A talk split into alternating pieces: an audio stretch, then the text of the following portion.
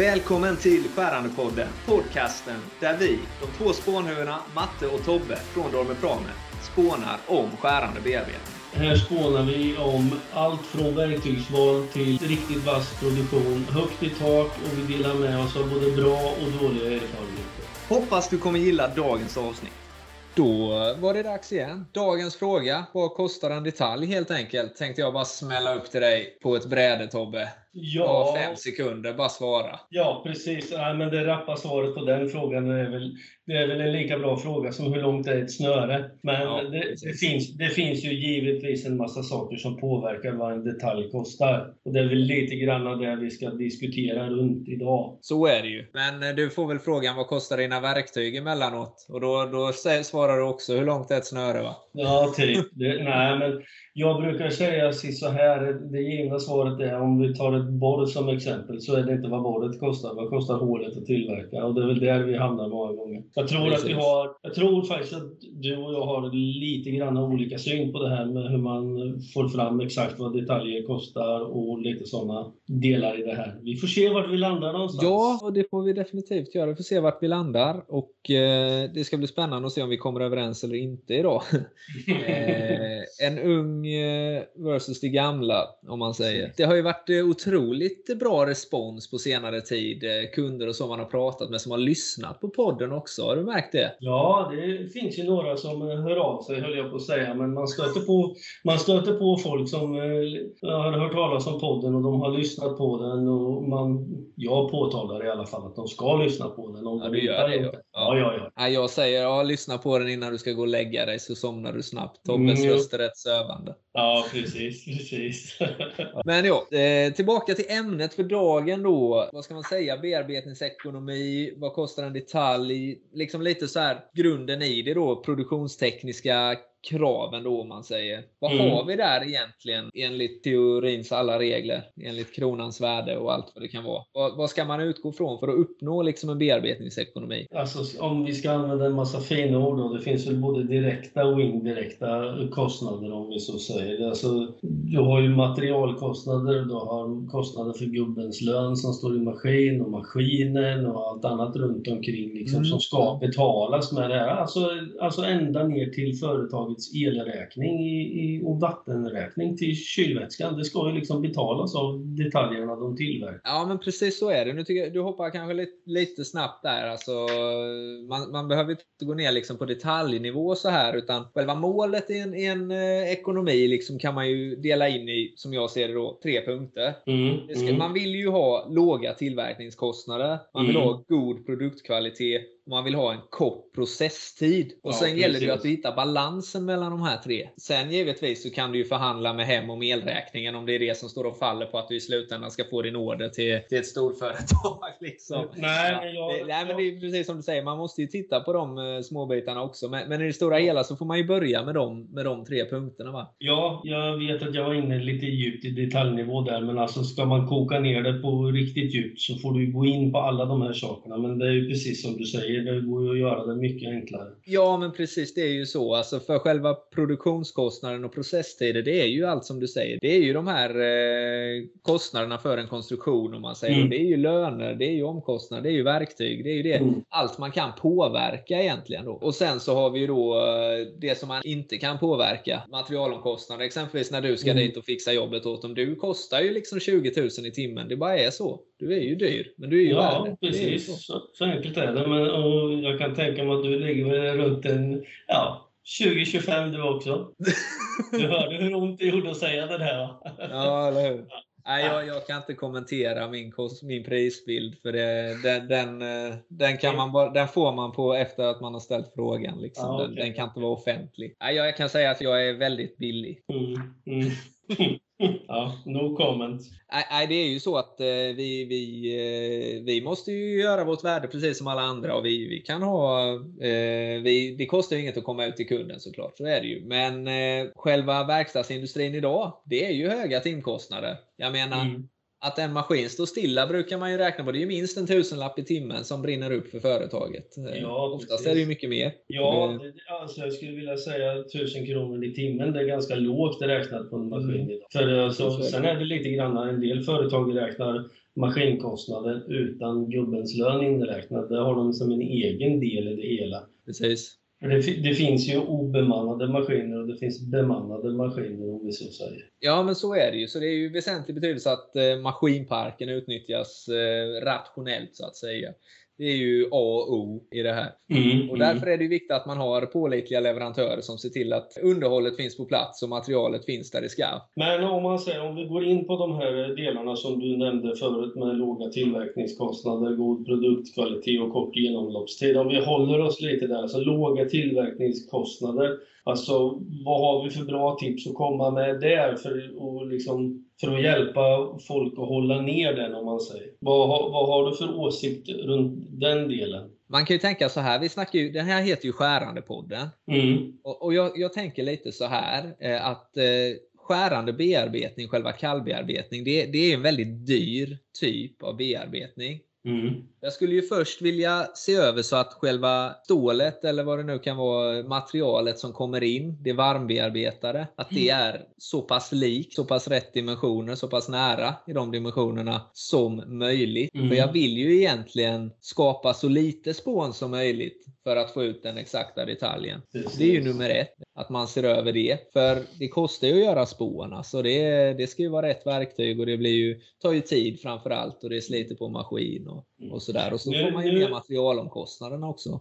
Ja, det är kanske är... inte bra att vi säger det här för då får vi ju mindre att göra sen. Ja, men då är, då är vi direkt framme där till det här jag pratade om. Vi får se hur det hamnar i slutändan. För vi har lite grann olika åsikter om det här. Ja. Er, erfarenheten jag har är alltså att som du säger, det är helt rätt om du har en maskin som gör en detalj. Men har du till exempel en sån verkstad där du liksom kör massor med olika detaljer, du får ganska många ställ, du kör olika dimensioner, då väljer man faktiskt att du utgår ifrån ett material. Säg att ja, du har detaljer som är 25, du har 35, du har 40 och du kanske har 28. Då kanske du utgår från ett material som är 50 mm ifrån början. Och sen bearbetar du ner till det du ska. Du använder samma material till åtta olika jobb. För att ställa maskinen still, byta allting i ett stångmagasin och allting mm. runt omkring, det tar tid. Då är du uppe på kanske två timmar innan du är igång igen med maskinen. Och då är vi där, där vi snackade om, maskinen kostar tusen spänn i timmen. Och förhoppningsvis så tjänar du pengar när maskinen snurrar. Förhoppningsvis, ja. Det är ju där det, är där det blir svårt att hitta beräkningskostnaderna. Liksom lite så faktiskt kan jag tycka. Men, men jag är med på hur du menar. Ja, det är den klart. balansen där. Det är ju en väldans balans där. Och materialet är ju en känslig puck idag. Priserna går ju upp alltså på ja. allt. Det är helt otroligt, måste mm. jag säga. Den har man ju mindre och mindre möjligheter att påverka alltså. Det är ju lite det att då får man ju lägga mer tid på det andra. Ja, sen är det ju så här vad kostar en detalj? Alltså man, jag tror att man beroende på storlek på företaget och lite på vad man har för produktion mm, och mm. hur det ser ut så räknar man och tänker lite olika. Ja, har du ett stort företag där du kör, alltså du har en lina maskiner och du kör en detalj i varje maskin, då givetvis tänker man som du, då vill man vara så nära som möjligt med utgångsmaterialet. Det ska vara i princip bara att göra finskär och, och fixa till dem. Det är ju dit man vill komma för då är vi ju det. Då har du ju så låg tillverkningskostnad som möjligt. Du vet Precis. att utgångsmaterialet är är bra och du får, vad heter det, alltid har samma kvalitet på allting. Så du får produktionskvalitet och det går ganska fort rakt igenom allting. Från, alltså från det att materialet kommer till verkstaden till det att det levereras ifrån verkstaden. Ja, det är, det är ju den. Just in time delivery. Det är det mm. du måste ha med. Det är det som när alla ni som tar emot Tobbe där ute. Så fort han kommer in så snabbt som möjligt ska ni skicka ut han. Det, då blir det effektivast bearbetning kan jag säga. Då når man den optimala. jag var ja. inte med på. Nej, det var, det, det var faktiskt en snygg inflikning måste ja, jag erkänna. Jag, jag, jag tar med mig den så kommer den tillbaka vid tillfälle. Ja, jag är beredd. Jag är beredd. Ja. Det, är så välkommet. det är så välkommet. Det finns ju otroligt mycket mer att snacka kring det här ämnet. Men vi kan väl säga så här att optimal bearbetning, det är det som är verktygsekonomi. Och där ja. ingår ju mycket. Det ingår personal, utbildning, kvalifikationer. Det ingår verktyg, typer, mm. kostnader, geometri, sorter.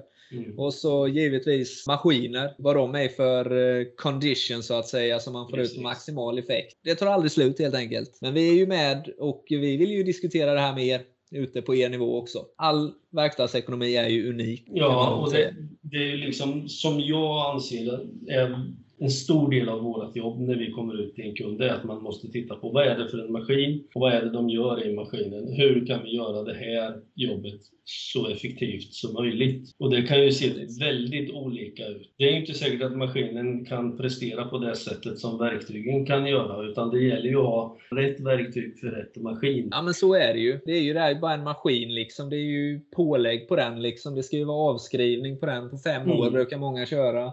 Sen så ingår ju lokal lokalhyra som du säger i den. Och så, mm. Men verktygskostnader ingår ju inte i de bitarna. Det, det kommer på ytterligare sen. Precis. Sen kan man ju gå ner och snacka detaljer då. Du kör, du ska ha rätt verktyg där. Vill man ha alltså, så bra spånavverkning som möjligt. Du kanske vill köra med jättehög skärhastighet och så stora skärdjup som möjligt. Och för att liksom skotta bort materialet och göra detaljen klar så snabbt som möjligt. Precis. Men sen kommer nästa aspekt in i det hela. Då kanske maskinen ska gå obemannad. Och vill du då ha säkerhet i vad heter det, produktionen så kanske du backar ner i hastighet och gör lite andra verktygsval. Då, då, får du liksom ja, kontinuitet i den bearbetningen. Den bara står och, tuff, står och tuffar och går för sig själv, då kostar inte gubben någonting i princip. Och då har vi en Nej, annan precis. Och det, och det, och då, för du kanske inte har den mankraften, utan då, är det ju, då producerar du snabbare om du får ja. en längre livslängd istället för att öka på de där sista varvtalen och procenten och sådär. Precis. För det är ju det, processsäkerheten är ju otroligt viktig. Och den ja. är oftast, det har man ju märkt de senaste gångerna jag varit ute här, att den är oftast värderad högre än att man kan dra på de där 20-30 sista procenten ur ett skär. Liksom, som att den bara ska, det är väldigt sällan man byter skär var tionde minut. Beroende lite grann på kund, men om man säger ja. Jag tycker om det här med motorer och motorsport och då kan man enkelt dra paralleller det till att jag brukar förklara för folk att den här livslängden på ett verktyg eller ett skär om vi så säger, det är lite grann som platåhoppet i crossbanan. Alltså först går det, nej, men först går det upp och sen har du en platå där verktyget lever och sen dalar det snabbt neråt igen. Ja. Och alltså kör du bara, står du vid maskinen och, och kör själv hela tiden och är beredd, då kan du köra till nästan du är i slutet av nerfarten från platåhopp. Men ska maskinen gå obemannad, då vill du hitta tillbaka till gränsen där du är kvar uppe på platån. Där stannar du och vänder på skäret. Det är ett väldigt enkelt sätt att beskriva det på. Ja, säkert med andra ord. Ja, ja skäret kanske är beräknat, just den här, nu är det ju inte ingreppstid jag säger, utan det kanske håller i, 62 minuter när du kör det till absoluta gränsen, då smäller det sönder. Mm. Men du vet att om du kör i 55, då kan du alltid gå dit och vända skäret och det kommer alltid att vara helt. Där har du en annan del i det här och då får du ner alla kostnader också. Precis. Better safe than sorry. Precis. Bra! Ja, men det var ju, då tackar vi för det utlägget Tobbe. Jag hoppas att ni som lyssnar har blivit lite klokare. Jag har inte förstått ett skit av vad han har sagt idag i alla fall. Men eh, jag ska lyssna på det här avsnittet igen och se om jag får ut något av det fall. Annars får du ringa mig efteråt Mattias, så ska jag förklara en gång till. Ja, det är bra. Det är ja. bra. Stort tack för ni som uh, har lyssnat idag. Följ oss på sociala medier och så vidare. Ge gärna en like. Uh, och hoppa in i Facebooks nya community skärande bearbetning, så fortsätter vi diskussionerna där. Och glöm inte att lyssna på podden också. Inte bara, inte bara snabbspola när Tobbe pratar och lyssna på, på han andra. ha det gött till nästa ha vecka. Det, ha det bra. Hej hej. Ett stort tack till dig som har lyssnat på vår skärande podd idag, där vi som vanligt har spånat vidare om verktyg och produktionsteknik, erfarenheter av alla slag. Och vill du fortsätta att spåna med oss, så joina gärna våra forum på Facebook, gruppen Skärande bearbetning, där spåntagningen aldrig tar slut. Har du njutit av dagens avsnitt, låt det synas med en liten like, en liten kommentar eller med en liten review. Ha det gott, så hörs vi nästa gång. Ha det bra, så hörs vi vidare.